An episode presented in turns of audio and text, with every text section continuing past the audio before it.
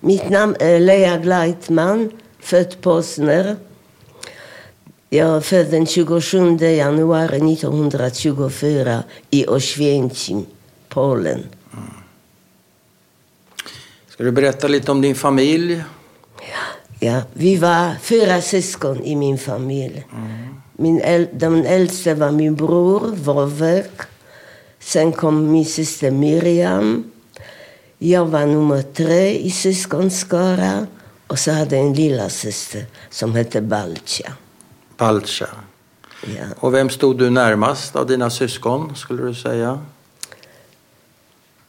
Systrarna, båda två systrar. Ja, ni var nära. Ja. Och mamma och pappa, vad hette de? Mamma hette Sprintsa. Hon var hemmafru. Min pappa hette Jonas.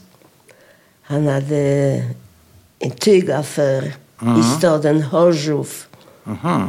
som låg ganska nära den tyska gr- gränsen mellan Polen och Tyskland. Mm.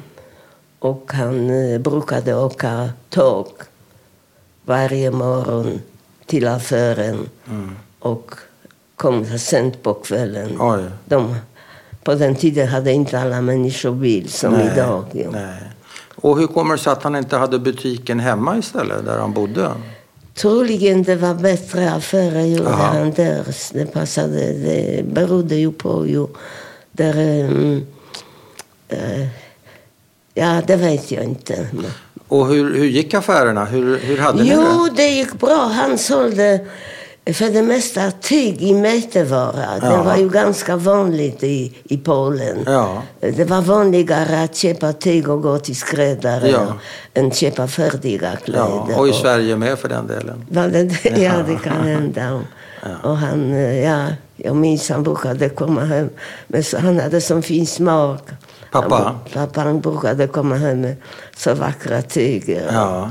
Så fick vi flickor så vackra klänningar och Ja. det, kappor sydde man också. ja. Och vem sydde upp klänningarna och kapparna åt er? Ja, jag minns att vi... Det var ganska, kanske var det något vanligt att, i Polen att min mamma brukade hyra en sömmerska. Aha. Och då kom hon...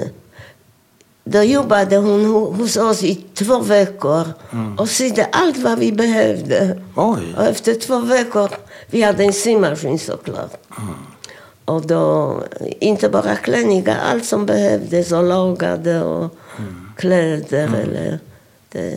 Så hon kom och, och sydde upp ert Hon behov? kom, ja, alltså hon kom liksom tidigt på morgonen och stannade hela dagen. Ja. I, och så åt med oss naturligtvis. Och gick på kvällen, som kom dagen därpå. Så hon, två veckor brukade det. var ju ga- det minns jag. Det var effektivt. Vilket, hade du något favoritplagg som du fick av din pappa? Med han, han med den goda smaken. Var det något speciellt som du gillade? Ja, ja, och jag hade två snygga klänningar. Aha. Jag hade en vit, jag minns en vit klänning, en sån strandklänning med, Ja. med bre, breda axelband. Och, Ja. och då hade vi en hembiträde. Hon var så duktig att alltså hon, eh, Det var vanligt att man hade hembiträde på Ja. den tiden. För, för det mesta var det polska flickor från landet som kom till stan. Och Hon var så duktig att brodera och så tyckte hon att den var alldeles för slätt. Då broderade hon så vackra blommor på Aha. kanten. den, den klänningen minns jag så väl. Och, sen hade jag, jag ärvde en kappa efter min syster som också var sydd. Som jag tyckte mycket, mycket om. Och den har jag någonstans till och med på bilden Aha. kvar. Och det var det sista plagget jag hade hemifrån. Som jag hade den hela tiden på vägen till Bergen-Belsen. Och Ja. sen brände de ner naturligtvis det, allting, så den här kappan brändes också. Ja. mindes, jag tyckte mycket om den kappan. Du hade den hela vägen fram till Bergen-Belsen och befrielsen alltså? Ja. Och man brände det därför att det var Allt- ja, så det var infekterat tyfus, och tyfus? Och, Ja, så. Och jag minns Men du minns jag, den fortfarande? Förlåt? Du minns den fortfarande? Jag har den, ja, för att jag tyckte jag var så stolt över den. Det var en sån vacker blå färg och en grå eh, eh, päls. Krage? Ja, En krage, det var någon... eh, Ja, jag, har den, jag har den här bilden kvar Ja, någonstans. och du har bilden i, här också verkar det som. Ja, den... Ja. Den har jag ärvt efter min syster. Vi brukade ärva lite Ja. systrarna varandras Aha, kläder. Så den, Och hur, hur bodde ni? Bodde ni i hus, i Vi- lägenhet? Nej, vi bodde i en lägenhet. Vi Lägenhet? hade en... eh, först, vi bodde, jag jag är född i Oświęcim. Mm. Och 1932 flyttade vi till Sosnowiec. Mm. En eh, mycket större stad än den lilla Oświęcim. Mm. Och där bodde vi, eh, där hade vi en lägenhet på fjärde våningen Mm. i ett nybyggt hus. Ja, ja. 1932 eller 33. Och då hade vi två stora rum. Och, Så det var modernt? Allting var ja, då var det modernt. Och vi hade, det är inte många som hade vatten i, Nej. rinnande vatten i sina lägenheter. Vi hade inte varmt vatten, Nej, men vi nej, hade badrum. kallt, ja. Varmt vatten fanns inte då. Kanske i Warszawa. Kanske. Men eh, eh, vi hade badrum och, Ja. och ha, ha, hall eller, Ja, en hall. Ja. och kök. Och, ja, och, Så det var fint. ja, det var fint. Ja. Och, och hur... Eh, vad för slags familj var ni? Var det en religiös familj? Ja. Var den assimilerad? Var Nej, det var en religiös, familj. Det vill säga kosher? Om det var kosher. Om det var Om kosher. det var kosher. Det Och shabbes? om. Shabbes var helig. Och, Ja, okej. och, och torsdagar brukade mamma redan handla mat för shabbes. Och, Ja. Och vem gick i, i synagogan i Schul? Gjorde hela familjen det eller bara pojkarna? Nej, bara eller? min pappa Ja, och bara min pappa? bror. Ja. Vi Pappa flickor, vi slapp. Vi behövde inte. Min pappa var, vi var mycket ortodoxa, men man liksom gav efter lite för flickorna. Ja, var okej. inte så sträng. Mm. Men min bror gick alltid med min pappa till synagogan. Men gick du i en judisk skola? I Ja. en polsk skola? Vad? Jo, Judisk. i, i Oświęcim, jag började skola i Oświęcim och det, fanns, det var en polsk skola, alltså en s- s- polsk skola. Polsk, men ja. i Sosnowiec bodde 28 000 judar och det fanns både judiska grundskolor och judiska gymnasieskolor. Och jag gick naturligtvis i en judisk skola. Och, men det var judisk skola i Polen, det var precis samma läroplan som alla andra skolor. ja, Det var bara det att det var på grund av antisemitismen som föräldrarna skickade sina Ja. barn till, judiska skolor. Så man slapp bli trakasserad. Inte bara av sina eh, klasskamrater, lärare. Vad man gjorde så fick man mycket sämre betyg. Och det- slapp du det? Slapp du bli trakasserad? Eh, Ja, inte i skolan. Ja, det är klart vi slapp. För att det var ju bara ju- juda, var judisk regi. Ja. Alla barn var judiska. Ja. Lärarna var judiska, var judar. Ja. Men jag tänker till skolan, från Oh, ja. skolan. Det Hur var kunde det- hända att var man fick en sten. Polska pojkar brukade kasta stenar på oss. Man fick Oj. titta efter. Eller man fick eh, vara noga vilka gator man ska gå. För att man visste där borta bor många polacker och då kunde man få en sten i huvudet. Eller. Hände det dig också? Ja, nej, det hände att jag, men han träffade aldrig. Jag, kunde, jag sprang undan. Jag var, jag var var, ganska försiktig. Jag, ja, Så du klarar dig? ja. Men hur påverkade det dig? Blev du rädd eller? Nej, jag var faktiskt aldrig rädd. Nej. För att jag kände mig så trygg i min judiska miljö. Jag, Mm. jag hade bara judiska eh, klasskamrater, vänner. ja. I huset bo- där jag bodde bodde bara judar. Den enda icke-jude det var vaktmästare eller Mm. strusch, vad kallar vi en... Ja, vaktmästare kan man säga. Fastighetsskötare? Fa- ja, just det. Något sånt. sånt? Han var den enda icke-juden. Ja, ja. och han hade två söner Aha. som var i min ålder. Ja. han, de brukade, vi brukade leka med dem. Men du vet, vi var i flört. Jag, jag var inte rädd för dem. Nej, nej. Och de skapade inga problem för, Nej, för er? nej. Det- Han, de lekte med oss, med alla de judiska Ja. barn i huset. Det var När är, när är första gången du drabbas av någonting som liknar antisemitism? Kommer du ihåg? Första gången som du känner dig utsatt? I, I Polen som flicka? Ja. Nej, det har jag aldrig Aldrig blivit. hänt? Nej, nej. Nej. Jag, Du levde så inbäddad i det judiska? ja, precis. I, I det judiska. Okej. Ja. Mhm. Så när ändras allt det här? Förlåt, men det Ja. kunde hända om man vågade. Det fanns stats, stadsdelar där icke bodde bara nästan mest polacker. Då Ja. gick man inte helt Nej. enkelt dit. Det- då var För man inte säker. Nej, Man jag inte vågade säker. inte gå Pogoń eller Kielce som det hette. Ja, okej. Men då... okej. Jag blev aldrig. Ja. Men jag hade, men de brukade också bussa hundarna. Pol- Polska pojkar brukade bussa hundarna på oss. Oj. Och jag, jag var rädd för hundar. Ja. Och min bror han lärde mig en ramsa i jiddisch. För att du ska eh, vara skyddad ifall pojkarna bussar hundarna Ja. på dig. Så sa han, han var fyra år äldre än jag. Ja. Så sa han, om, om, om du ser att eh, en pojke bussar, en, en hund springer efter dig, så spring inte. Stanna. Aha. Titta, honom, titta hunden i ögonen. Ja. Och han lärde mig ramsa på jiddisch vad jag skulle säga. Ja. Och vad skulle man säga? Det ska jag säga det på jiddisch. Ja, tack. Hund, hund, hund.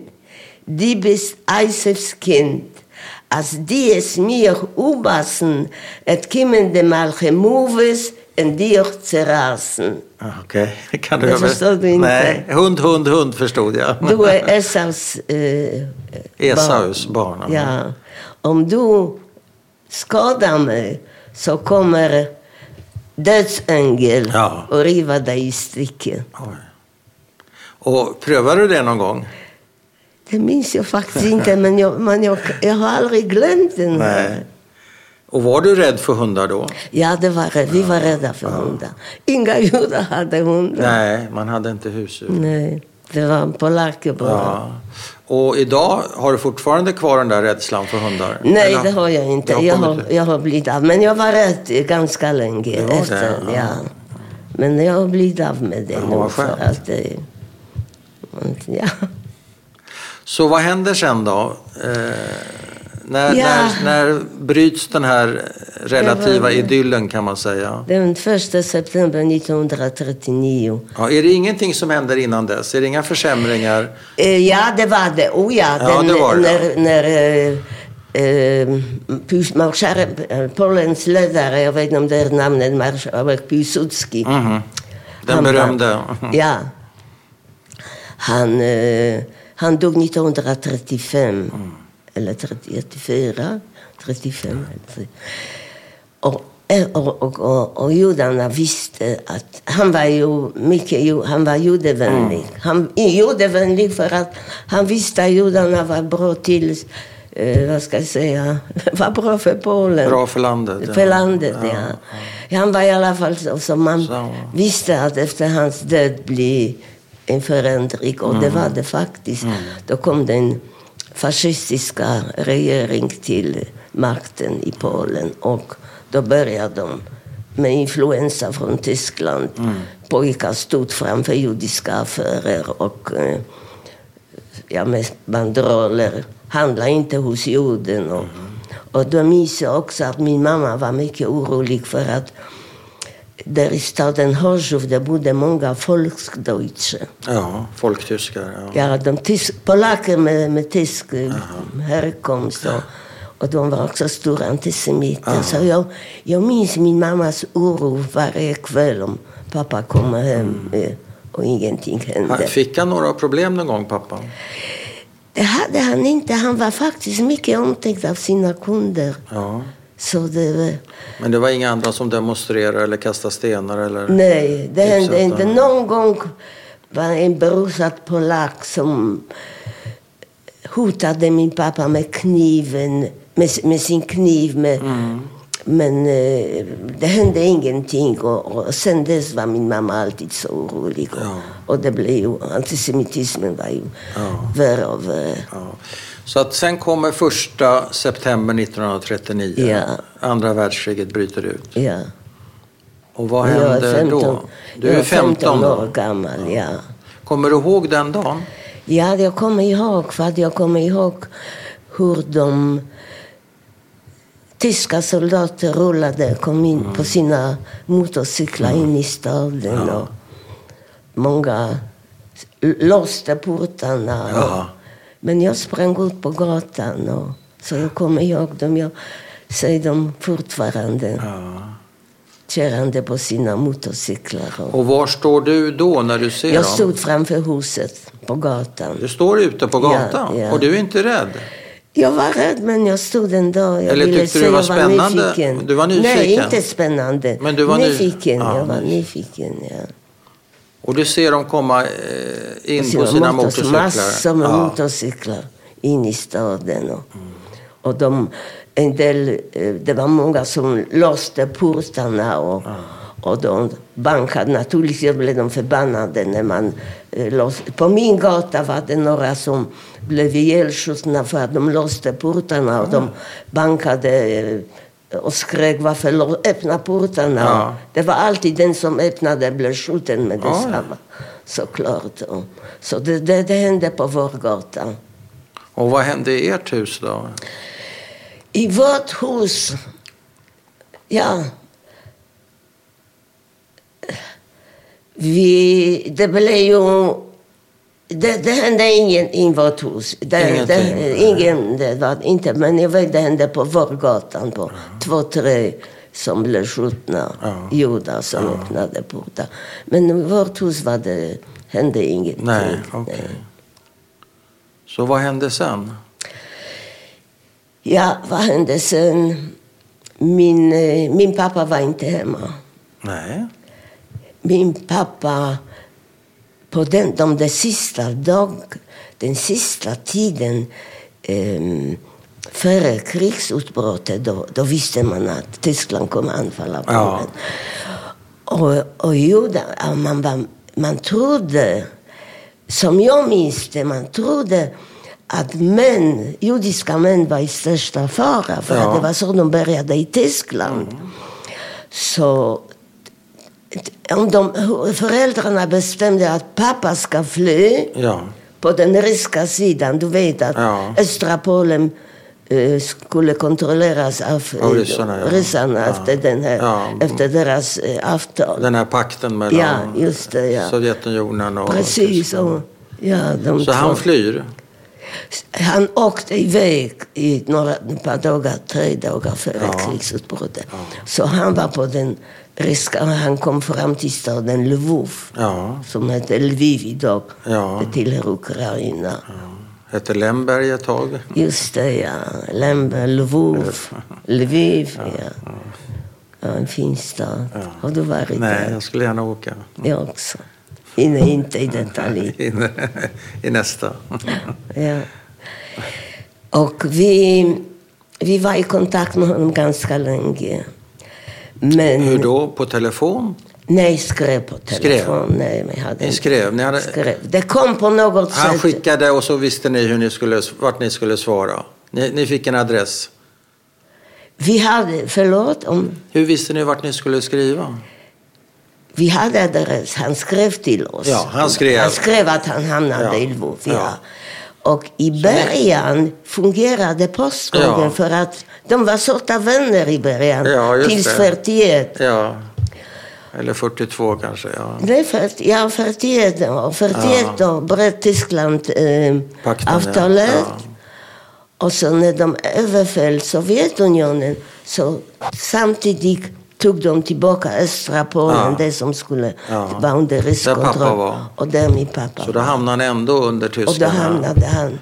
Och då- Kommer du ihåg, vet du vad han skrev i, i de här breven? Ja. Har du kvar dem? Han, han var inte länge kvar där för att eh, sen blev han, fick vi ett brev från honom från en stad som heter Ostrovets, närheten av Lvov. Och det var något läger. Och, och därifrån hade vi fått tre brev. Och han bara skrev att det var en oerhörd hunger. De hade inte alls fått någon mat. Och vi skickade paket naturligtvis. Efter tredje, tredje paketet när vi skickade, då kom tillbaka. Och så stod det adressaten okänd. Och då förstod vi, där har de ju bara mördat. De har ju slaktat judarna med detsamma Ja. när de kom till, till, till Lvov och hela östra Polen. Och de, troligen ligger han i en massgrav. Vi vet inte vad som hände. inte? Och du vet inte när han... eh, Nej, ja, vi vet bara mördades? december 1941 Ja. var det sista brevet. Och de Ja. eh, eh, kom till eh, östra Polen i juni 1941. Ja.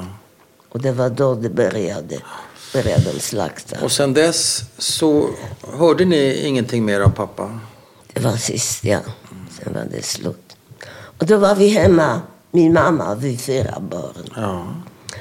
Och eh, de, det var ju eh, mycket ont om mat för att tyskarna stängde de flesta judiska butiker. De förde ut varor och svarta börsen kom igång. Vi hade det bra, alltså bra kan jag inte säga, men ekonomiskt hade vi inte så dåligt för att min pappa var så pass klok, han förstod att den här affären i Horjo vid Grenstad, där det faller i tyskarnas händer när, när de, överföll, när de ö, angriper Polen. Så han överförde varorna, de där tygrullar från affären hem till oss och vi hade det Så hemma. lagret hade ni hemma? Så vi hade ganska mycket hemma. Men vad tror du? Allting tillhörde det tyska riket. Ja. Och de tog en dag, blev vi... Det fanns ju angivare också. Någon har sett att, att, eh, att, vi, att de, de lastbilar kom med, med tygrullar. Och, och så kom de, de bödlarna en morgon och tog allting ifrån oss. Men vi hade i alla fall eh, eh, klarat lite har vi gömt i källaren. Jaha. Så det, och det hade vi, och det var ett tillskott. Man Ja. kunde sälja det Ja. Det, det hjälpte Så oss. lite kvar hade Så de tog allt vad de hittade Ja, hemma. ja. Som bakom skåpen, under sängarna. Ja. Men det i källaren har de Där inte. de. Så vi hade lite kvar och vi kunde, mamma kunde sälja. Och, sen naturligtvis blev det getto. Ja, och då pratar vi om vilket getto är det här? Sosnowiec getto. I Sosnowiec. I Sosnowiec. Och vad kommer du ihåg ifrån det? Hur, hur, Ja. ta, hur kommer ni dit? För ni bor, Vi- ja, ni bor eh, utanför gettot? Ja, just den gatan hette Spolna 10, var Ja, vi bodde. ja. Och den tillhörde gettot. Okej, så ni bor i gettot redan så vi då? bodde i början. Ja. Inte hela tiden. Nej. Men i, de började tvångsförflytta Just det. judarna från omringade Ja, platser. fler och fler och fler, Ja, ja. Så man fick och, eh, bo flera i. Sen, Och sen blev vi förflyttade såklart för att gettot skulle vara eh, mindre och mindre och mindre. Jaha. Så sen blev vi utkastade därifrån också. Till? Jag minns inte om det hette Koontaja eller det, jag vet, till en annan gata. Ett annat getto? Nej, i samma getto, Ah. men annan för att Ah. gettot skulle tränga, Ja, ja, skulle tränga okej. ihop oss. Ja, till en annan lägenhet. Ja, ja. Till en annan lägenhet. Inte till en lägenhet. Då bodde Nej, vi nej, med, nej, till med ett rum. Fem, Ja. ja. med Hur många fem, bodde sex, där då? Fem, sex familjer. Och hur stor var den lägenheten? Ja, kanske två rum eller... Oj, fem, och sen sex. bodde vi bara, hade bara en, bodde vi i ett kök tillsammans med en annan familj. Det blev trängre och trängre hela Två tiden. familjer i ett kök? Ja, hur, bo, hur ibland, bor man ja. i ett Ja. kök, två familjer? Ja, ibland var det ännu värre. Det var ju hela, vi, vi blev förflyttade hela tiden. Jag minns inte exakt. Jag, vissa saker... eh, Vissa saker... Jag har lite luckor Ja, också. ja, man förtränger. ja, kanske. Jag minns... Jag minns ja, min mamma en gång. Hon var så ledsen. Vi har inte sett ett bit kött på länge. Och då då hade hon tillfälle att köpa en bit korv som Mm. inte var kosher. Jag tycker det var någonting fantastiskt av Ja. henne att Ja. göra det. Ja. Men min bror, min bror var ju mycket ortodox. Ja. Han blev så arg på min mamma. Han sa, hur vågar du? Och han slängde det här, den, här kött, det här, den Korven. här korven. För att han inte var För kosher. att det inte var kosher. Den innehöll mycket. gris. Ja. Mm. Det är sådana små saker. Minns jag hur ar, arg han blev när han hittade den här korven. Och, Vad sa du då? ja, vad jag sa? Jag tyckte synd om min mamma. För att jag såg Men hennes... var inte du hungrig? Ville inte du också ha... Alltså, eh, vi, vi åt andra. Det fanns Ja, ju kål, okej. det fanns ju potatis, Ja. Fanns ju morötter, det fanns ju... Man fick äta det vad som fanns. Men min mamma tyckte det var ju oss. ja, hon ville göra någonting Stackars extra. Abbe Kinde, förstår du lite jiddisch? Ja, lite. Man är Abisse- Kinde. Abissele. Ja, man är Kinde. Ja, Sen mina en barn. hungrig. Ja, de är hungriga. Mm. Men du tyckte synd om mamma i Ja, den jag tyckte situationen? synd om mamma för att det var en sån uppoffring av henne. Ja. Att gå och köpa. För hon var egentligen kosher själv. Oh ja, Ja, så det här var inte så lätt för henne att göra. Hennes pappa, alltså min morfar, morfar Ja. han var sjösköt. Ja, Eh, ritu- ja. kosherslaktare. Ja. Ja, just det. Ja, ja vad var det sen? sen? Det var ju utegångsförbud såklart. Mm. Och, ja, just det. Jag glömde säga att 1941 eh, när de höll på att bygga i Oświęcim, den här dödsfabriken Auschwitz, då tömde de staden på judar. Alla judar fick lämna Oświęcim och hela min släkt kom till Sosnowiec eftersom vi bodde där. Så jag, den sista tiden i gettot var jag tillsammans Ja. med hela min pappas släkt. Ja. Inte min mammas, de bodde i andra städer. De bodde i Krzanów, Nowy Targ, Jaworzno, Trzebinia. Så min mammas släkt bodde en liten bit norrut från Oświęcim. Men under kriget, de sista tiden, var jag tillsammans med, min, med hela min pappas släkt. Ja, som du som såg på den här bilden. på den ja. bilden. Ja. Men, eh, så de flyttar in, bor ni, bor ni under, till och med under samma tak? Hela... I, I början bodde, när, när de eh, när Oświęcim judar kom till Sosnowiec, då bodde de alla hos oss. Då bodde vi ännu på Wspólna i vår Ja, fina ja. lägenhet. Ja, Ja. okej. Men sen blev det bli trängre och trängre så vi, vi spreds eh, lite. eh, Och, ja. Har du någon uppfattning om hur länge ni var i det här gettot? Ja, det måste det vara tills eh, augusti 1942. Ja. Och vad gör du i, i gettot? Jobbar du eller Åh, vad gör nej, du för jobbar, något? Vem jobbar? Alla, de stängde gör. alla judiska skolor. Ja. Och, jo, jag, min mamma skickade mig till någon... Det fanns en tjeckisk flykting, kommer jag ihåg. Hon var lärare. Hon skulle ge oss lite privatlektioner. Men skolorna fick vi inte gå in för att tyskarna stängde alla De stängde, judiska ja. skolor. Men vi var ju ute med kompisar och, Ja. och ja... Eh, Och mamma då, vad gjorde hon? Ja, hon, hon bara sörjde och sörjde och Pappa. var orolig. Och, och eh, ja, försökte laga mat. Och fick lite tyger, de tyger vi hade kvar. Hon har låtit sin nya klänningar för oss Ja. flickor, minns jag. Även då, hon- även då I i gettot. gettot. Ja. Ja. Hon tyckte vi ska ha nya klänningar. Så. Ja, det är vackra klänningar. Hon ville att ni skulle ha det bästa, Ja, hennes var- barn, Ja, kan man säga. ja. Till och med i gettot. Oh, ja. Till och med i getto. Och Utav de tyger som vi hade har hon anlitat en sömmerska. Hon skulle sy kläder till oss. Vad det blåser. Då blås, det på dig. Nej, nej, ja, det är bara ljudet. Är det nö- är fönstret öppet? Nej. Förlåt, är det? Fönstret är inte öppet va? Nej, nej, men det, det blåser. Men det är, det är otätt. Ja, Det ja, är ja. ett gammalt hus, ja, ja, det blåser. nej, det är okej. Men eh, vad sa du, 42 så flyttade Ja. ni från det här gettot? 42, då kom det, eh, eh, kom det order från den tyska överheten att alla judar måste lämna sina hem Mm. och bege sig till en eh, idrottsplats utanför staden. Mm. Och man, man fick ta med sig vad man ville såklart och de angav klockslaget na, naturligtvis. Och alla måste infinna sig där. Den hette, jag minns inte hur dags det var. Nej. Jag läste någonstans att det var på morgonen men i mitt minne var det på eftermiddagen. Och, och eh, vad ska man göra? Man var tvungen att Ja. gå. Vem skulle vem brydde sig om oss då?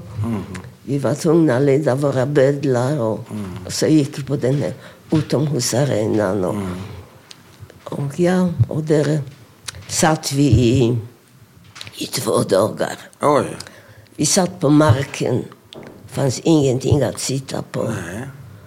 Och jag satt tillsammans med em, alla, alla de som du ser här på bilden.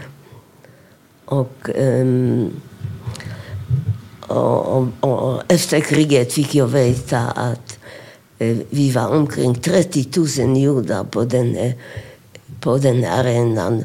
På arenan för att det var inte bara Sosnowiec, det var från närliggande staden Benjin.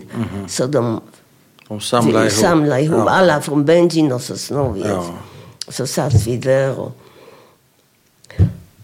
jag, jag brukar berätta tre, tre detaljer från den här. Ja. Från de två dagarna ska jag berätta. Gärna. Alltså i skolorna. Ja. Ska jag berätta det Ja, nu om också? du vill. Ja. Ja. Vi, det, det rådde en mycket tung stämning då för att man visste att barn och äldre kommer aldrig levande ut därifrån. Och, men man talade inte om det med min faster Rivka. Mm. Hon, hon vände sig till oss fem kusiner, de äldsta i släkten. Ja. Och det var hennes två döttrar Sabina Rahel, min bror Vovek, min syster Miriam och jag. Vi Ja, var de äldsta. Vi var i åldern mellan 17 och 21 Ja. ungefär. Och hon sa det helt enkelt. Ni är de enda som har en chans att överleva. För att vi var i den åldern Ja. de behövde folk till arbete. Alltså, alla judar var ju dödsdömda.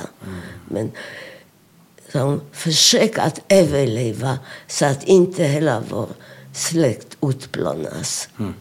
Och det, det sa hon helt öppet för att det visste man. Hon var väldigt klarsynt. Ja, det var hon.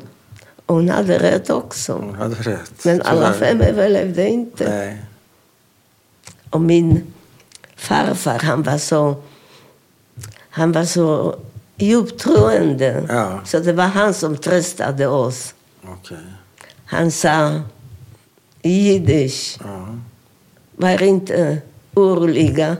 Det liebe Gott hat uns nicht verlassen. Han har inte lämnat oss, den gode Ja. guden. Just det. Några dagar senare gasades han ihjäl i, Auschwitz gaskammaren tillsammans med alla de, min farfar. Min mamma var 46 år gammal då. Men hennes hår var gråsprängt så Miriam, min syster Miriam och jag, vi bestämde oss för att färga hennes hår. Att vi visste att de yngre har större Ja. chans. Men det fanns ingen, man kunde inte gå till Åhléns och köpa möbel. Man fick tips från någon, jag minns Jaha. inte vad det var för någon. Vi Nej. blandade ihop någon, någon ingredienser. Ja. Och jag minns Miriam säger till mig, titta sa hon, titta Lord Cinco. Det var mitt smeknamn. Mamma ser redan ut att vara 15 år yngre hon blev så glad. Ja. Men du vet, om två dagar det duggregnade det hela tiden. Allt det svarta rann ner på hennes ansikte. Och, och när vi torkade av henne så tänkte vi, nej, hon klarar sig inte. Och det gjorde Du hon förstod inte det? heller. Du förstod De att det tog inte skulle- henne. Ja. Och min lilla syster, alla de. Och Och ehm, efter kriget fick jag veta att eh, den transporten från staden Sosnowiec att de mördade samma dag de anlände, att de, de åkte ju direkt, eh, alltså från, från rampen Är det här, är direkt det här Aus, ga- Auschwitz? ja. Direkt till ja, För gaskammaren? att där på, på, på, på den här utomhusarenan, det var ju en bödel som, som, som eh, sorterade oss. Redan där? Så Ja, det var ja. redan gjort? Ja, ja, så det var redan Så gjort. det var ingen, ingen selektion Det- när ni kom inte fram? när de kom fram, för att det var redan selekterat på den här utomhusarenan. Så, så det, Vad minns du av själva eh, transporten från arenan till Auschwitz? Eh, jag blev ju, vi blev ju skickade, vi de fem kusiner fick gå tillbaka till gettot. Ah, Men nu var gettot utanför stan, omringat av eh, taktrött. Innan när i stan, i Sosnowiec, i det första gettot, det var ju så kallat öppet Mm, getto. Det var inga taktrött. nej. För att man, men man fick inte röra sig utanför, för då blev man ju skjuten såklart. Men nu var vi i ett annat getto. Och, och, och där sitter vi... Eh, vi fick arbeta för tyskarna och vi sydde eh, skjortor och eh, underkläder till tyska soldater. Och, och så blev det... Ja, en dag kom de bödlarna och stängde eh, hela verkstaden och vi blev ivägskickade till ett tvångsarbetsläger som hette Grebenbergstriga och det var dåtidens östra Tyskland. Nu är det Polen, den här delen. Och Min syster var inte med på arbetsplatsen den dagen och på så sätt när jag skickades direkt därifrån då skildes jag från de sista jag hade kvar, mina syskon och mina kusiner. Och, och det, tvångsarbetsläge, det var linfabrik. Vi fick jobba tolv timmar i skift. Från sex på morgonen till sex på kvällen och veckan därpå från sex på kvällen till sex på morgonen. Och eh, kollade hela tiden. De SS-kvinnor gick omkring och bara kollade. Och de, var, ja, de kunde straffa om de fick lust till. Och mat fick vi, de var tvungna att ge oss mat, annars skulle vi inte klara. Nej. Men vi var liksom alltid hungriga. Men sen efter en kort tid så kom ju flera transporter och bland de nyanlända var min älskade kusin Rahel, så hon som blev kvar i gettot. Och- Ja. Och sen var vi tillsammans hela tiden igen aha. i, i tvångsarbetsläger och, eh, eh, och eh, och jag hade en väninna till. Vi höll ihop och vi delade varenda bit extra bröd som någon av oss hade fått. Och, och ja, vi var st- det var en stor moralisk eh, stöd för varandra. Det var min kusin Rahel och en väninna Bronka. Vi tre vi höll ihop. Och, och, Var det avgörande för dig, tror du, att du det, jag, ja, det var jätteviktigt. Det var jag undrar om detta inte har hjälpt mig att överleva. För att jag hade så nära vänner som Rahel och Bronka. Och, och, eh, jag, jag har lagt märke till det faktiskt. Att det fanns, för att du vet, när vi kom till det här lägret så eh, man försökte skaffa sig någon nära vän. Man blev ju berövad allting, alla. Och, och, eh, och, och de som var ensamma, som inte hade någon väninna, de gick under tidigare sen i Bergen-Belsen. De liksom, så man var starkare när man hade så nära vänner som jag hade. Rahel och Bronka. Men kunde du hålla hoppet uppe hela tiden eller hade du stunder? Inte hela tiden. Inte hela tiden. Inte ja. hela tiden. Och vad... vad... I, I lägret hade vi lite hopp. Ja. Men eh, sen i, i december 1944 Ja. då... Vi var i östra Tyskland. Då var Ja. de sovjetiska trupper på frammarsch. Aha. Och då kom det order från någonstans. Lägret ska tämmas. Ni ska väck därifrån. De talar inte om för vart vi ska, hur vi ska, bara att vi ska väck. Och det, var, det var december 44, det- andra hälften av december. Och, och det var jättekallt. Jag minns vi tog så mycket kläder på oss, den ena på den andra. För de sa att vi ska gå. Och, och så gick vi Och det här är vinter? Och det var vinter och det var så Vad kallt. kallt. Och vi hade bara det torr, eh, allt torrt bröd som fanns i lägret fick vi dela mellan Ja. oss. Och vi fick ingen mat på vägen. Vi fick bara det här torra brödet. Ibland fick vi vatten någonstans på vägen. Omringade av tyska soldater. Och, och, och de skrek hela tiden snäll, snäll. Jag tror de var självrädda för de analkade sovjetiska det. trupper. Det var ju, vi har ju gått på detta sätt i två veckor. Jaha. Så det var redan januari. Och, Och, och var sov ni någonstans? ute i det fria. Ibland var den I den kylan? Ja, i den kylan. Men vaknade alla efter en sån natt? Man kunde ju somna, man var ju så oerhört trött av den här vandringen. Ja, men kunde man, var det inga som förfrös sig, som dog? Ja, visst, de, för det första så, de som kunde inte gå så fort, då var de arga, de soldaterna, så slog de med gevärskolvar på de flickorna som gick så sakta, som orkade inte Nej. gå så, så slog de med gevärskolv. Ja. Snäll, snäll, snäll, skrek de. Och fick man som smäll så har man ramlat. Ja. Om man ramlat så blev man skjuten. Ja, då var det slut. Och så var det slut då. Och vi, vi såg många döda längs vägarna. Vi var inte de enda Nej. som var på den här dödsmarschen. Nej. De har ju, då i krigets slutskede så har de ju tömt många eh, koncentrationsläger, Ja. Ja. och, och på detta sätt skickade iväg det. Det är var på- därför det fick namnet Dödsmarsch, dödsmarschen. Det är många som dog på Och ni vägen. var på väg till Bergen-Belsen eller vad? Vi visste inte var Nej. vi var på väg. Vart kom ni fram då? Vi- Vi kom fram till Bergen-Belsen.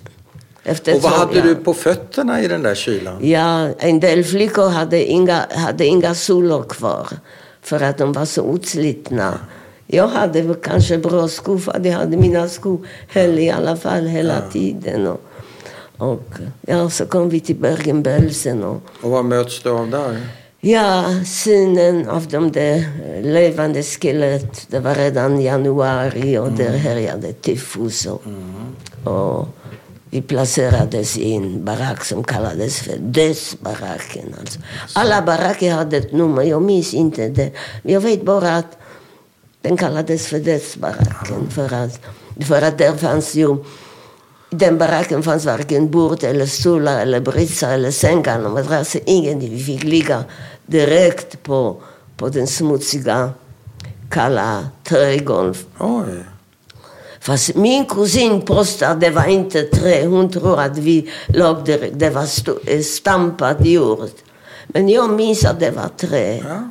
Så det är vissa saker, någonting man som minns olika. man minns lite annorlunda. Men vi Men var ni tillsammans, du, kusinen och den tredje Bronkara, Hell och jag, vi, vi låg tillsammans. Ja. Vi, Ni ligger ihop på det där golvet alltså? vi, förlåt? Ja, ni ligger ihop på golvet Ja, alltså? vi ligger ihop med, med många andra. Har ni något både har ni- sjuka och döda. Och, Döda och, och också? det fanns döda också för att ehm, det fanns någon... Um, det här är inte bara tyfus, det var, måste vara andra magsjukdomar Ja. också. Vi hade, vi hade förfärlig diarré alla. Ja, och, ja. och det fanns ingen toalett i vår barack utan något hål utanför baracken. Och, och ja, och inte, inte alla som hann gå den här vägen. Och, och, och man begravde inte de döda för att ingen orkade bära bort dem. Så man har lagt dem utanför baracken. Så döda utanför baracken. De låg ända tills befrielsen. Ja. De döda. Det var kaos alltså, låter det som. Rent kaos. Det var mycket kallt ända tills... Kaos. Det, var, Förlåt? det låter som det var rent kaos. Ja, de var ju... Jag tror att de, eh, tyskarna visste inte vad de skulle göra med Nej, oss. Ju. nej. Eh, då, då, då, då, Bergen-Belsen, vad ska vi säga, kan man säga, Utskälp, utskälpningsplats. Avstjälpningsplats, ja. Avstjälpning, ja. Så För kan man kalla Bergen-Belsen.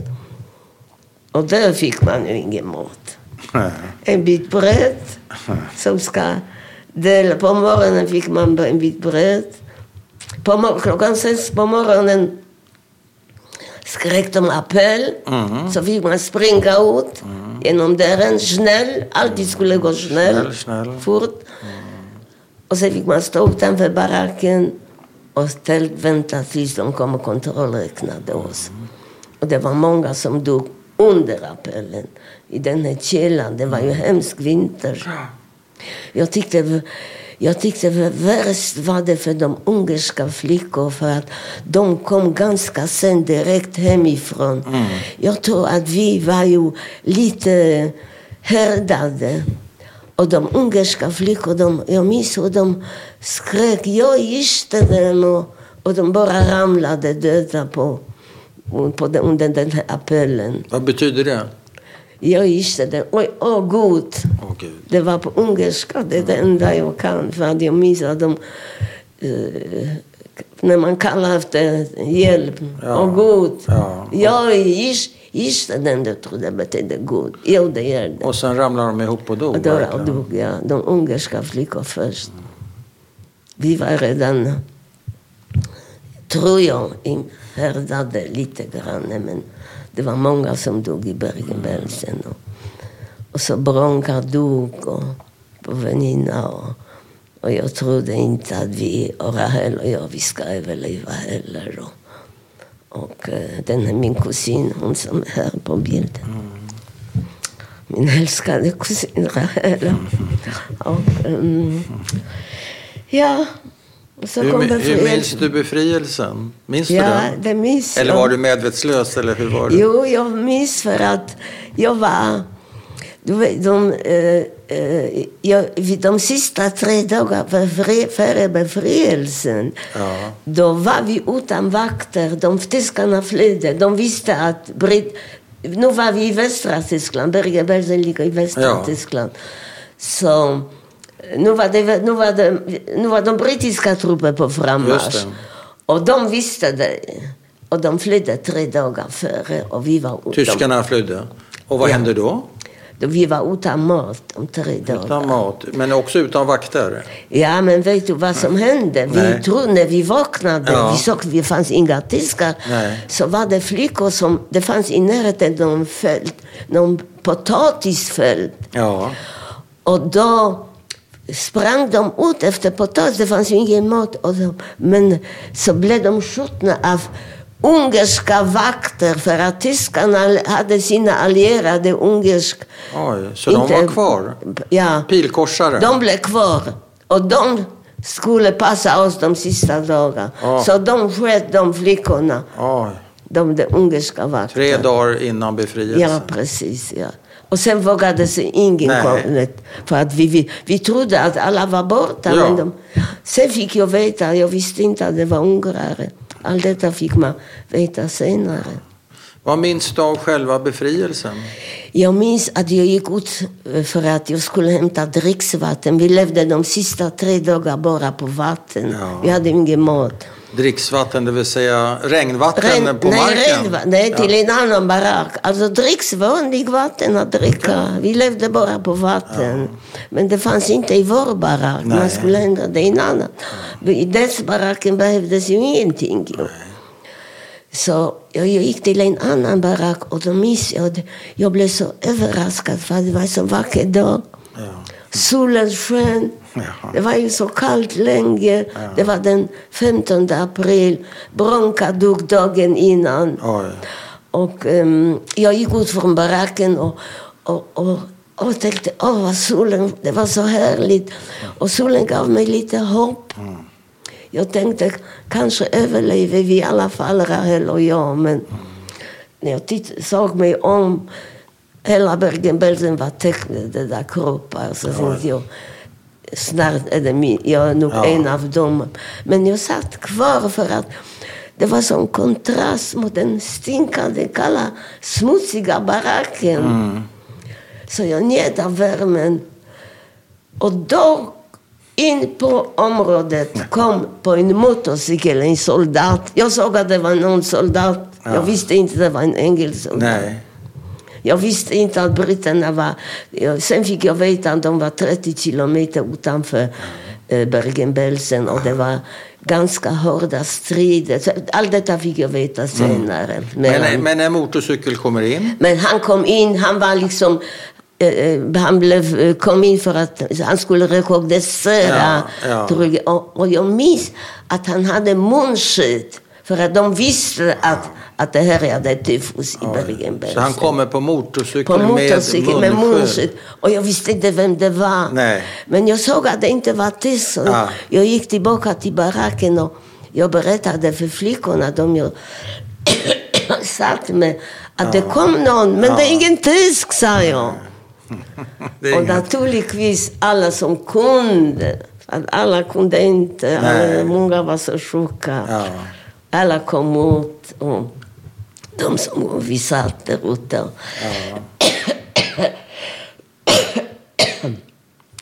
Ja, så började vi undra, diskutera och prata. Vem kunde det vara? Vi visste ju ingenting. Nej. Och efter ett tag sen öppnades hela... Och in kom de brittiska Ja, trupper. Och På en stridsvagn satt en, jag vet inte, det var en officer. Han, För när Han- förstod du att ni var befriade? för att han talade om det för oss. Han talade både tyska och engelska. Då från stridsvagn. Och han beklagade. De såg att vi, han sa någonting. Att vi kan inte hjälpa er nu. För att ehm, vi måste gå vidare. Det var ju bara f- eh, 15 april. Och, Ja. och sen fick jag veta att de var på väg mot Hamburg för att Ja. avsluta. Här kommer Kato med lite vatten. Ja, tack. Tack Kato.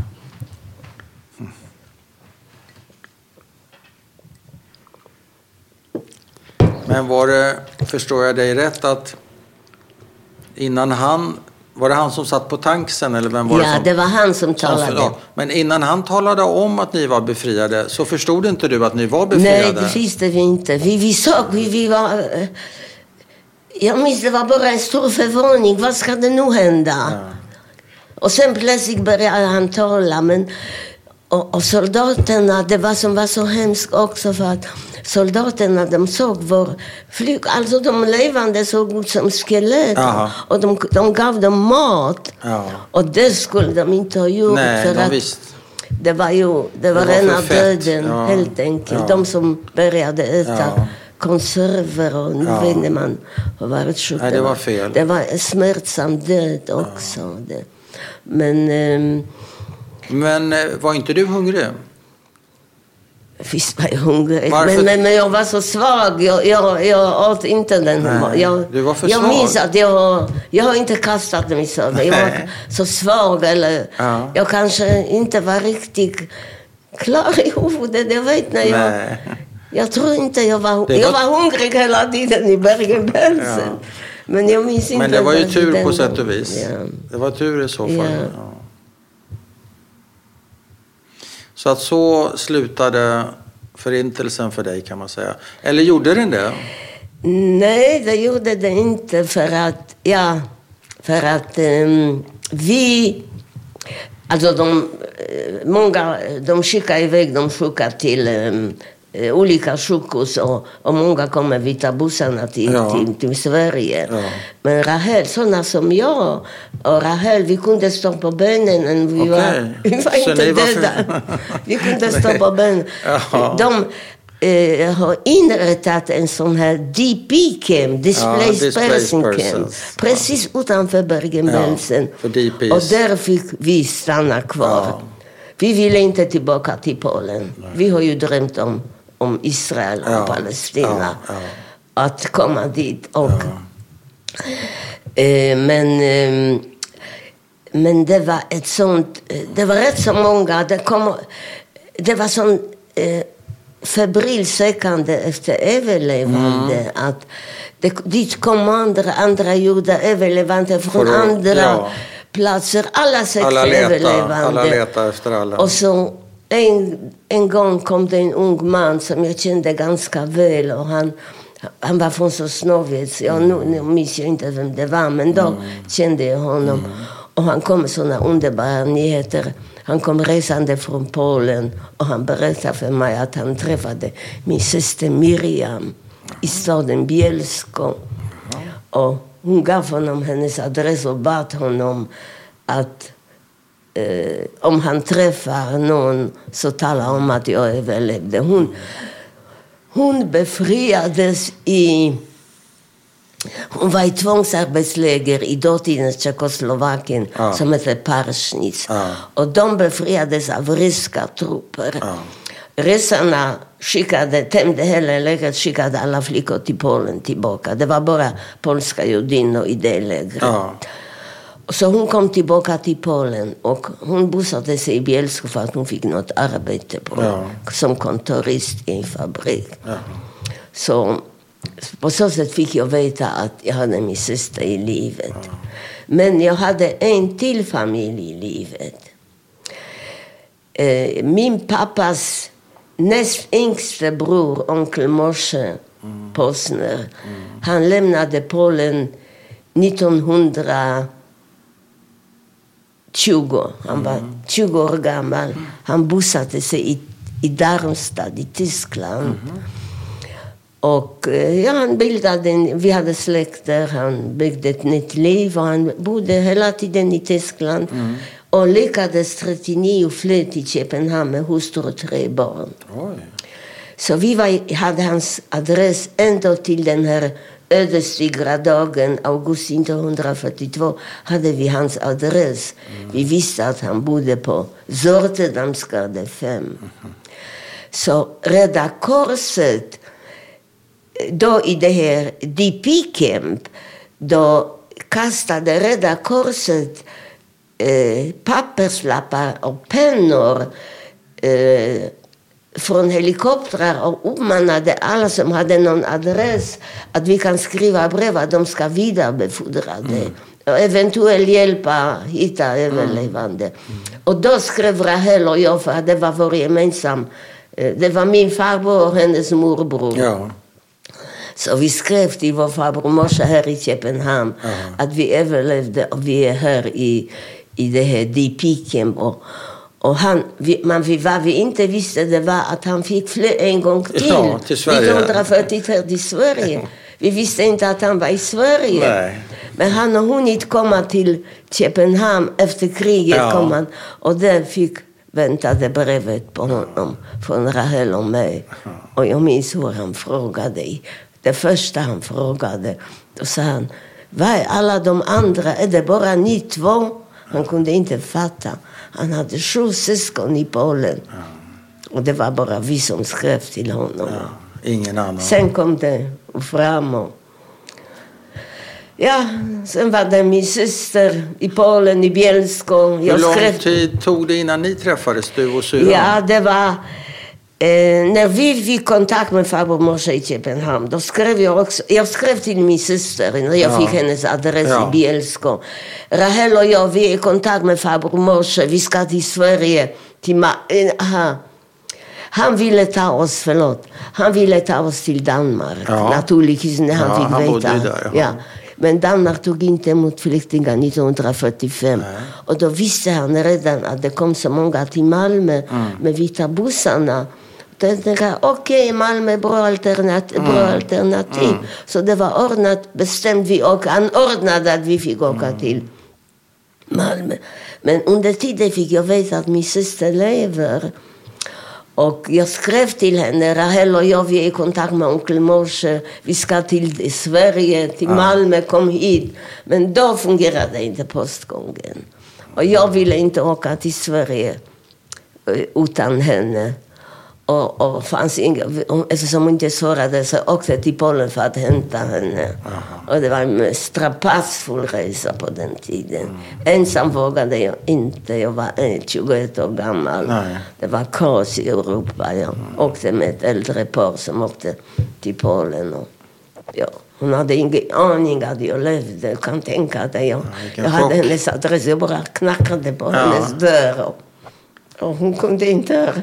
Hon stod stilla, hon kunde inte... Ja, Hon kunde sig, inte ja. röra sig. Ja, Fantastiskt. Ja.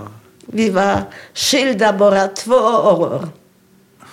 Men vi, det var som 200. Två- Så mycket hade vi att prata om, att 200. gråta över. Och, Men följde hon med till Sverige, din syster? ja, sen åkte vi till, vi fick smuggla och vi kunde inte åka från Polen. Jag åkte, jag var i Polen. Ja. Man kunde inte åka från Polen direkt till Tyskland. Polen hade redan kommunistisk regering. Det var, redan, det var förbjudet det var att stäng- lämna stängd. Polen. Ja. Ja. Så vi fick smuggla oss till östra Tyskland. Från Polen till östra Tyskland. Och vi hamnade i Berlin december 1945. Östberlin såklart. Och sen, sen fick man åka legalt på den västra sidan. För att, eh, jag, jag glömde den här biten men men min systerdotter hittade en dokument som vi har fått i Östberlin att vi var berättigade. Vi fick lov att åka till västra Tyskland. Ja. Jag, jag glömde fullständigt. Tack vare min systerdotter som hittade det här dokumentet att, att, eh, att vi fick åka legalt från östra till västra. Och på det sättet kommer ni till Sverige? Och på det sättet. Det är Ja. därför jag, jag skulle aldrig hamna i Sverige. Om det inte vore för din... eh, För min farbror, Ja, ja. din det är farbror. därför vi. Vi skulle åkt till, till I Israel Palestina. naturligtvis. Till Palestina. Ja. Men det här kanske också blev rätt så bra. Ja, men ja, ja, ja, det var fel. Vi borde åka Jaha. det är klart. Varför se, så som Sverige ser ut idag. Okej. Är det, någonting för det, judar? Det är inte för sent. Nej, det är det inte. Men det är jobbigt. Ja, det är jobbigt. Livet är jobbigt.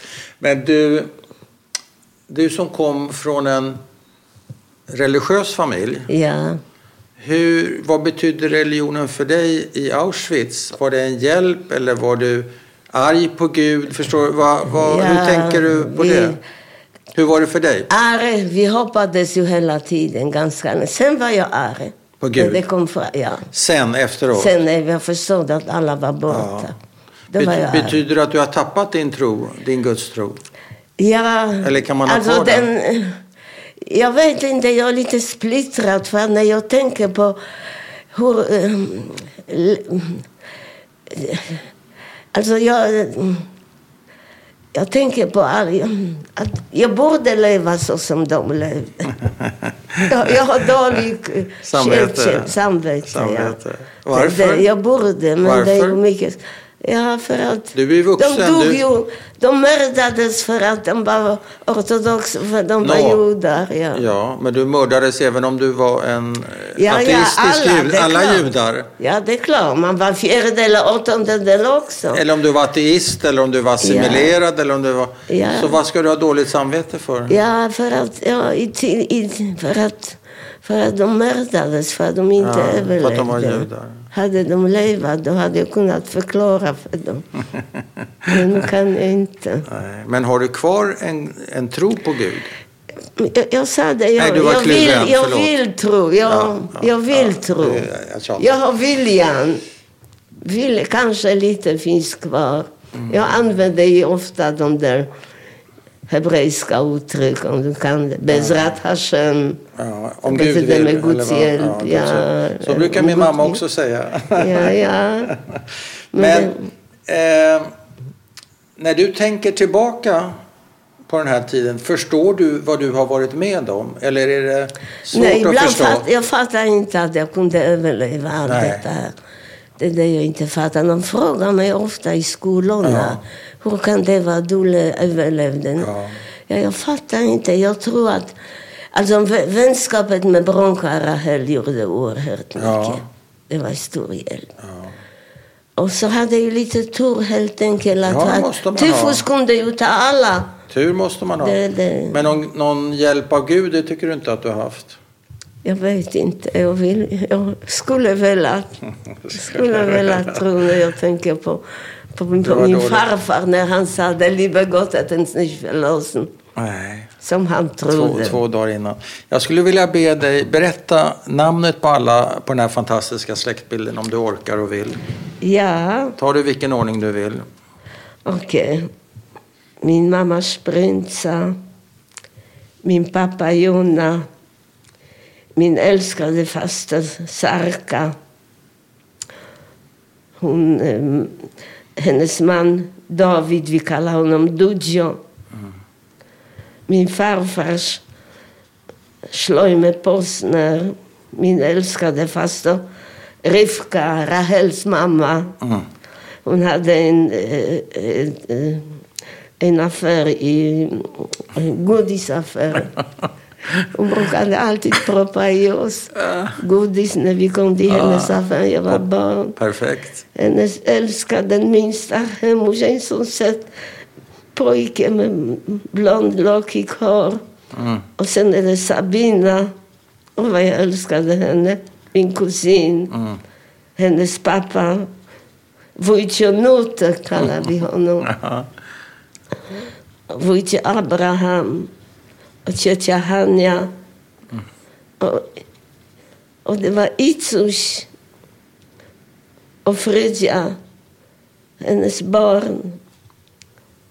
Och herre faster Minda. Och herre Chaps, hennes man. Mm. Och här kommer jag. Det här är du.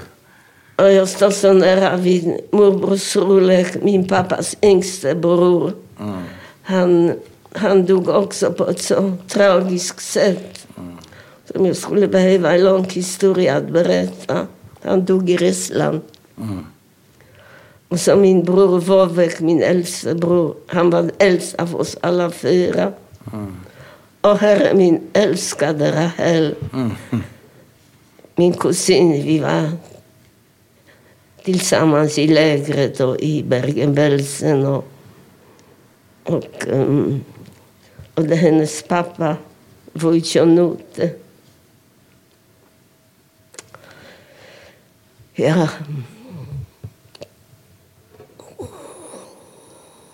Och av alla de här som du nu har räknat upp, hur många överlevde förintelsen? bara Rahel och jag. Ni två bara, Ja, men det, vi, hade, vi var många, många fler. såklart. Men nu Ja. på det här På det fotografiet. fotot, ja. Det var det bara vi Det två som nog. Mm. När vi pratade om dåligt samvete förut, har du till och med dåligt samvete för att du har överlevt? I, I viss mån tänker jag ofta på det, varför jag, varför inte. Till Nej. exempel om min bror hade Ja. överlevt. Eller. Min lilla syster, hon var bara 15 år. Hon hade en chans att överleva. Men ja, jag tror att. Att hon... Nej, ja, jag orkar inte berätta vad som hände med henne. Det behöver du inte göra om du inte vill. Hon kunnat överleva. Mm. Ja. Mm, Sen hade jag mammas familj, mammas syskon. De var också de var åtta på mammas sida och var åtta på pappas sida. Och en på varje sida hade jag en familj överlevande för att den farbror Moshe som överlevde i Köpenhamn. Och sen min mammas, en, på min mammas sida var de sex bröder och två systrar. Och en av hennes bröder, onkel Joe, eller han hette Josse David på jiddisch. flyttade han Vi till USA? Han kom till USA. Ja, Onkel Så Joe. han hette onkel Joe. Och han, eh, och han, eh, så han lämnade, han kom till Sju med hustru och tre barn Ja. till Detroit. Ja, Så jag har ja så du har liksom lite... på varje ja, sida. Ja. Alla de sju syskon, förlåt, med sina barn mördades. Mm. Så du kan tänka dig hur många det var. Det är svårt att tänka sig. Det är svårt Ja. bara att se den bilden som du håller i din hand. Ja. Det är jättetungt, såklart. Vill du lägga till någonting? ja, kanske ska jag berätta någonting om... Min syster hade en mycket nära väninna som hette Uli Goldkorn. Vi bodde i samma hus. De kom från Tyskland 1937 när, när eh, tyskarna började kasta ut judarna från, po- från Tyskland. polska judar. Ja. Och då kom de 37 till Polen och hon var en sån tjusig. Jag har sett flera flickor. Ja. Och vi hade... Vi bodde i gettot. Blev vi ännu närmare varandra. Alltså i gettot, när det var ut- utegångsförbud, då var, det, då, då var vi grannarna som en familj. Ja. För att man fick eh, ja, dela med sig. Och vi Ja. lånade, jag minns att vi, fanns, vi kunde inte gå på bibliotek och låna böcker, så Nej. vi brukade riva böcker i, det, i, i flera delar. Så jag fick en bit Ja. och sen fick jag nästa bit. Och, Ja, och så bytte man bitar. Precis, ja. Och, och, och, och så vi var ganska... Var kanske 20, över 20 familjer som bodde i det huset. Och Ulli, hon var en sån söt flicka. Hon var, min- och, och vi var på väg... Vi jobbade tillsammans till tvångsarbetsläger, Ulli och jag. Och hon, hon hade svaga lungor. Och hon eh, hade... Eh, hon, hon, eh, hon berättade för mig att hon sa till mig jag kommer inte klara tvångsarbetsläger. Vi visste att vi var på väg till tvångsarbetsläger. För det har de talat om för Ja. oss. Ni ska till... Hon Så sa hon, att jag skulle kommer inte klara. klara det här. Nej. så hon sa till mig, jag kommer att begå självmord, jag kommer inte klara det här. Och jag trodde henne inte, du vet jag. Och en morgon vaknade vi, vi var på samma brits, och jag vaknade på morgonen och, och då låg hon död vid sidan om mig. Och, och hon hade en burk med pilar. den var tömd och, och hon låg död. Och då hade jag fruktansvärt dåligt samvete. För att hon har talat om för mig att hon ska begå självmord. Jag. Jag borde tagit Jag visste att hon hade en burk med piller för att hon hade sömnsvårigheter. Hon var en sån tjusig flicka. Har du haft mardrömmar? Inte, jag har mardrömmar, inte, inte nu. nu har jag, jag har mardrömmar. Jag Nu? sover mycket, ja, men inte, inte om Inte det. om förintelsen? Inte om förintelsen. Vad har du mardrömmar om då? Nu? Jag vet att det är alltid någon som, som eh, tvingar mig till någonting eller något jag måste göra och inte Ja. klara. Och Nej. någonting, eh, alltså de är så otydliga. Ja, okej. En dröm minns jag. Ja. Jag, jag 1900, det var 2012. Jag hade lymfom i ljumsken. Och den var, den var ofarlig, men den blev, jag blev opererad i alla fall. De tog bort den och eh, det spred sig ingenting. Men eh, efter en vecka fick jag en infektion och blev inlagd på sjukhuset på, här i. Och, eh, och jag hade, eh, jag, en dag var jag, då, då hade jag en jättedålig dag. Jag hade en diarré och jag kräkte. Jag var mycket sjuk på sjuk. Den dagen blev jag jättedålig. Och ehm, jag, jag låg så länge, jag kunde inte somna. Och jag bad eh, en sköterska om en sömntablett för att jag inte somna. Så hon, jag kan inte ge dig sömntablett nu eftersom du kräkte så mycket och, Ja. och diarré. Så du måste försöka somna. Och, jag kunde, jag låg vaken med hela natten klockan sex på morgonen somnade jag. Och jag vaknade och då hade jag en mardröm. Det var augusti 1900, 2012. Och jag vaknade och då drömde jag att min mamma dog. Och då sa jag, jag tänkte varför dog min mamma? Hon var ju så ung. Ja. Hon var ju bara... Ja, hon, och det var då jag vaknade. Och, och, och, och själva drömmen var inte så hemskt, utan vaknande var så hemskt. För att jag tänkte, då kom jag på det början på augusti. Och det 2012, det är exakt 70 år sedan de tog min mamma.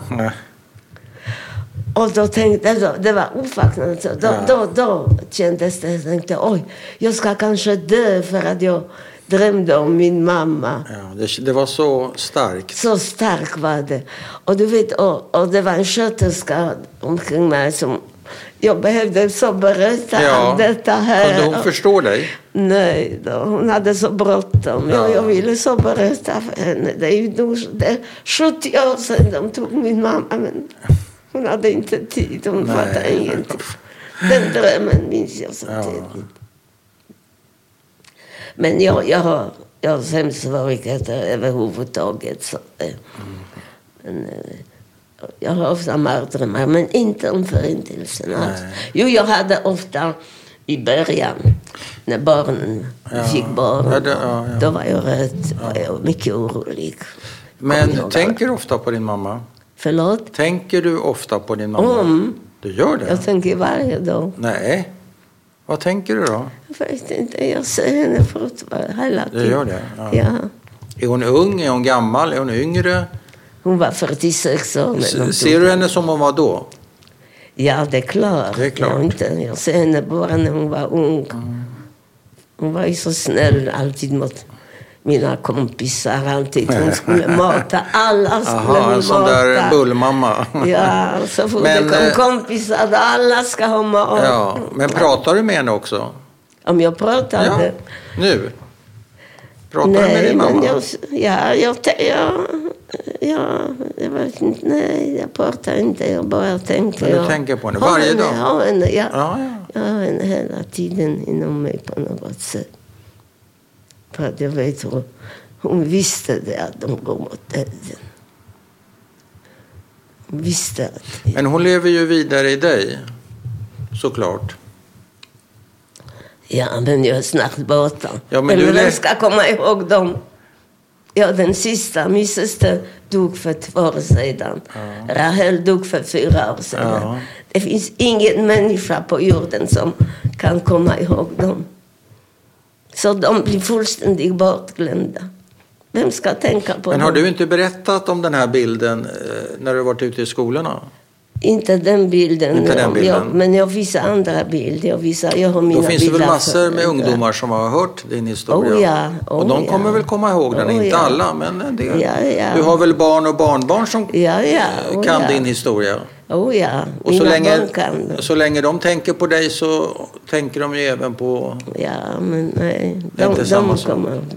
Det är det som gör som mest, vad ska jag säga, Att du är sista länken. ja, Kan man säga så? ja. När jag är borta så är det, Så är det borta. slut. Alla de är borta nu. Ja, ja, de är så levande alla i mitt minne. För dig? Ja, det är klart. Ja. Och du berättar om dem nästan som att Ja. de lever igen. Ach, skulle hon vara så söt. Hon har lärt sig, hon var så ung, hon var bara tio år äldre än jag. Hon, hon utbildade sig till gorsettmakare, kan man säga gorsettmakerska? korsettmakare, ja. ja. Och hon sydde min första bh. Ja. Eller, eller hon, under gettotiden när vi, vi, vi, vi, kunde, vi fick göra någonting, vi sysslade med någonting. Så, Då var det den här Ullis syster som lärde mig sti- ville lära mig sticka. Ja. Men det fanns ingen garn. Nej. Och då gav mig Sarka hennes kofta. Ha. Vi fick sprätta. Ehm, Garnet, ja. Hela, Ja. och, och, och, hon har lärt mig sticka. Det var ta, hennes kofta, den som finns på bilden där Ja. borta. Det är såna detaljer som jag kommer så väl ihåg. Men har du skrivit- Vissa saker har jag glömt också. Har du skrivit ner dina minnen? Eh, eh, SKMA har eh, gjort någonting. Ja, en sån här de för undervisning i, i skolan som hela, hela min berättelse. Jag har det på svenska och på engelska. Och, ja, det, ja, och, och det var många skolor som har filmat mig. Och, Jag har faktiskt något med, vad heter men det klarar jag inte. Vad heter det, minnesstift som man sätter in. Det var en lärare i skolan som har filmat hela min berättelse. Och jag har den här, Ett kort? ja, som man ska... UB, USB? Ja, men jag, jag klarar det inte. Jag kan bara eh, lite, jag kan bara mejla och, och skriva. är inte så bara. Och, och så, ja. och googla och, Mm. och ja, inte gjort. mycket mer. Det är bra gjort. Tack snälla Lea för att du ville berätta din historia. Tack. Du brukar ju klippa bort väl en del, eller? Va? Du Vi klipper bort, klipper en bort del, lite. Ja. Lite grann, inte så mycket. Det mesta var väldigt bra.